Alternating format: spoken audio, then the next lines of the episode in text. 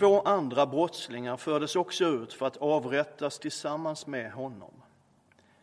Och när de kom till den plats som kallas dödskallen korsfästade honom och brottslingarna där, den ene på hans högra sida och den andra på hans vänstra. Men Jesus sa, far förlåt dem, för de vet inte vad de gör. Och de delade hans kläder mellan sig och kastade lott om dem. Folket stod där och såg på, men rådsherrarna hånade honom och sa, andra har han frälst. Nu får han frälsa sig själv om han är Guds Messias, den utvalda. Även soldaterna kom fram och hånade honom. De räckte honom surt vin och sa, om du är judarnas kung, fräls då dig själv. Över honom fanns det också ett anslag, detta är judarnas kung. En av brottslingarna som var upphängda där hånade honom och sa, är inte du Messias? Fräls då dig själv och oss också. Men den andra tillrättavisade honom och sa, fruktar du inte ens Gud, du som är under samma dom? Vår dom är rättvis. Vi får vad vi förtjänar för det vi gjort. Men han har inte gjort något ont. Och han sa, Jesus, tänk på mig när du kommer till ditt rike. Jesus svarade, jag säger dig sanningen, idag ska du vara med mig i paradiset.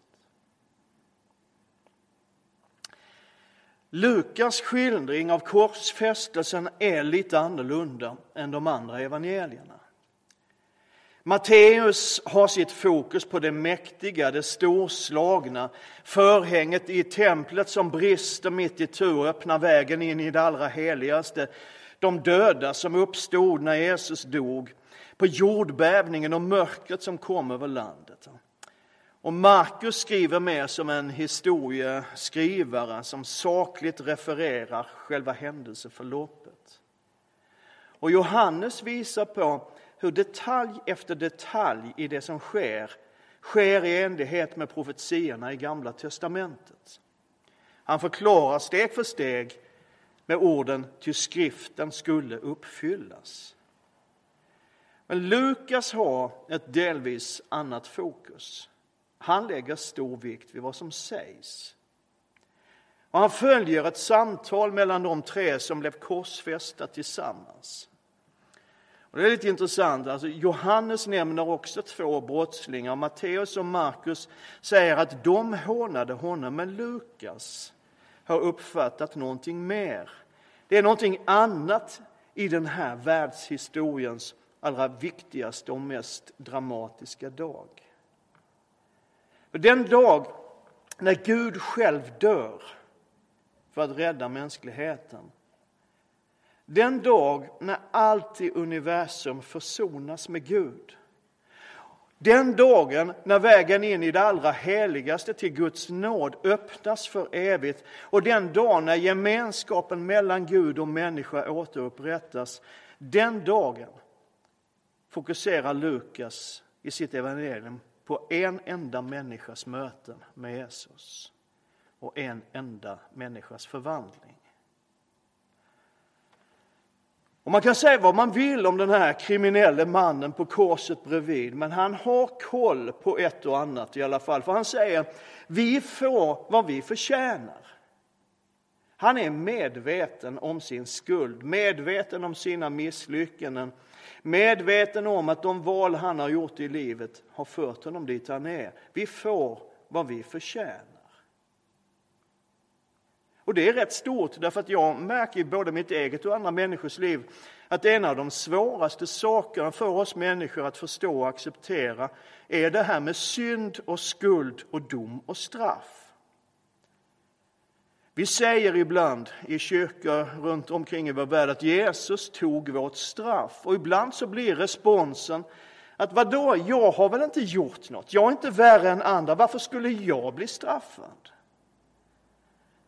Och för att förstå synd och skuld och dom och straff så behöver vi förstå någonting annat som är väldigt centralt i Bibeln, nämligen helighet. Helighet är syndens och ondskans absoluta motsats. Att vara helig betyder egentligen att vara avskild, att vara annorlunda, unik, skild ifrån allt annat. Helighet utifrån Bibeln betyder en total och absolut renhet. En total och absolut godhet. En total och absolut kärlek ett totalt och absolut ljus. Och det minsta avsteg från det totala och absoluta utplånar liksom begreppet helighet. Och här är problemet.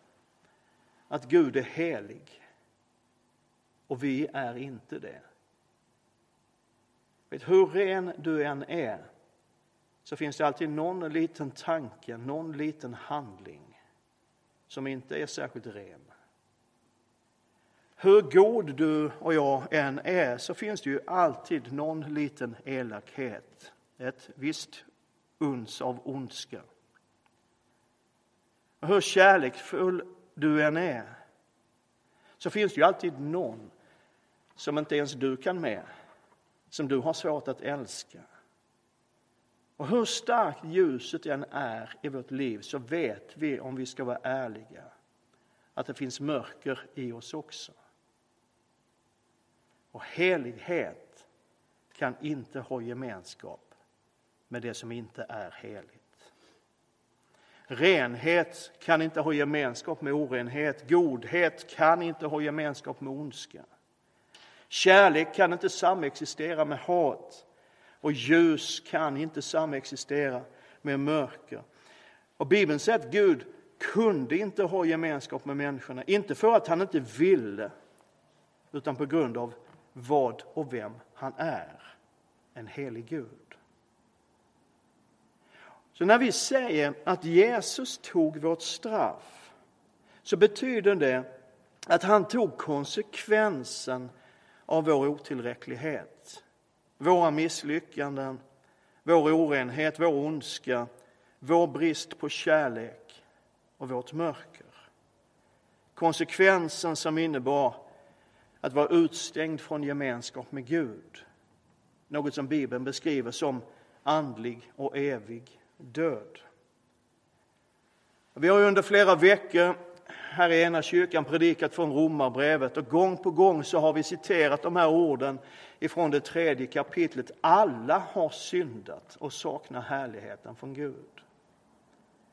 Det där är något som vi kan vara medvetna om eller inte. Det är något som vi kan erkänna eller inte erkänna, tro på eller säga att vi inte tror på. Och egentligen spelar det ingen roll. Jesu första ord på korset var Förlåt dem, de vet inte vad de gör. Det spelar liksom ingen roll ifall vi vet om eller erkänner att vi har syndat och saknar härligheten för Gud eller inte. Konsekvenserna är liksom de samma. Oavsett om vi är medvetna eller omedvetna, om vi erkänner det eller inte. Men mannen på korset bredvid hade insett sanningen. Han visste att det han upplevde var konsekvenserna av sitt liv och sina val, konsekvenserna av vem han hade blivit.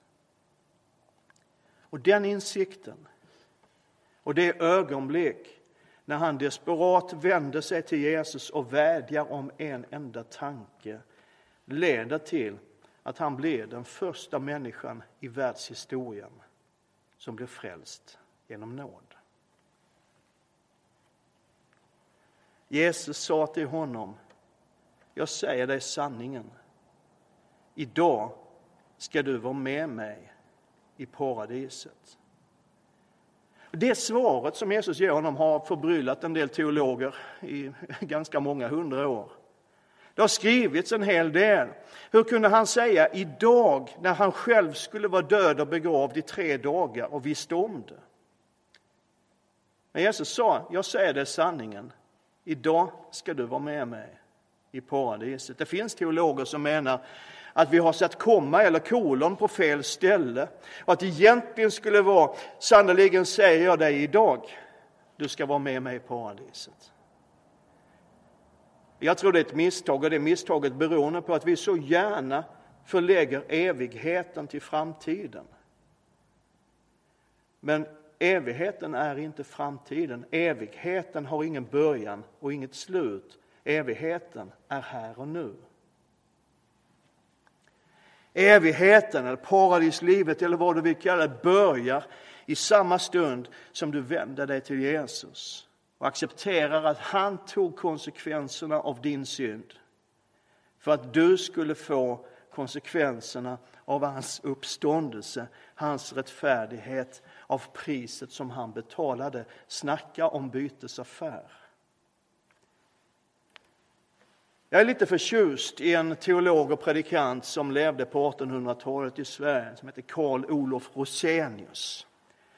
Han skriver väldigt varmt och han skriver väldigt gammaldags för vår tid. Men han skriver så här i sina betraktelser från mitten av 1800-talet. Och vilken underlig och hög tröst att kunna med hjärtats tro säga allt mitt är hans och hans är mitt. Min synd är hans synd, min nöd blev hans nöd. Men hans rättfärdighet är min rättfärdighet. Hans lydnad är min lydnad. Hans blod min renhet, hans död mitt liv, lovat vara hans namn. Mot min synd sätter jag hans rättfärdighet, mot min köld hans kärlek, mot min svaghet hans starkhet och säger så, är jag syndig så är Kristus rättfärdig. Är jag kall så är Kristus varm. Är jag försagd och ängslig så är Kristus inte försagd. Han vet råd. Korteligen, allt hans är mitt och mitt är hans. Så vill han själv att vi ska tro. Och evangelium handlar om det bytet, världens bästa bytesaffär. Om någon är i Kristus är han alltså en ny skapelse. Det gamla är förbi och något nytt har kommit. Det händer någonting i mötet med Jesus. Det gamla som resulterar i det vi förtjänar, som mannen på korset bredvid sa. Det byts ut mot något nytt något som vi inte har förtjänat men som vi får ta emot på grund av Guds kärlek till oss. Allt Jesus gjorde handlar om det bytet. Mörker byts mot ljus och sorg byts ut mot glädje. Bundenhet byts ut mot frihet och orenhet mot renhet och fångenskap byts ut mot befrielse. Ensamhet byts ut mot gemenskap. Hopplöshet byts ut mot mening och nederlag byts ut mot seger och död byts ut mot liv.